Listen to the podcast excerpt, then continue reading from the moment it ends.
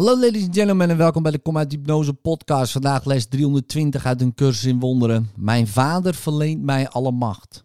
De Zoon van God is onbeperkt. Er zijn geen beperkingen aan zijn kracht, zijn vrede, zijn vreugde of welke eigenschap ook die zijn vader hem bij zijn schepping schonk. Wat hij samen met zijn schepper en verlosser wil, moet geschieden. Zijn heilige wil kan nooit verlogend worden, omdat zijn vader zijn licht laat stralen over zijn denkgeest, waarvoor hij alle macht en liefde op aarde als in de hemel legt. Ik ben degene aan wie dit alles is gegeven. Ik ben degene in wie de kracht van mijn vaders wil verblijft.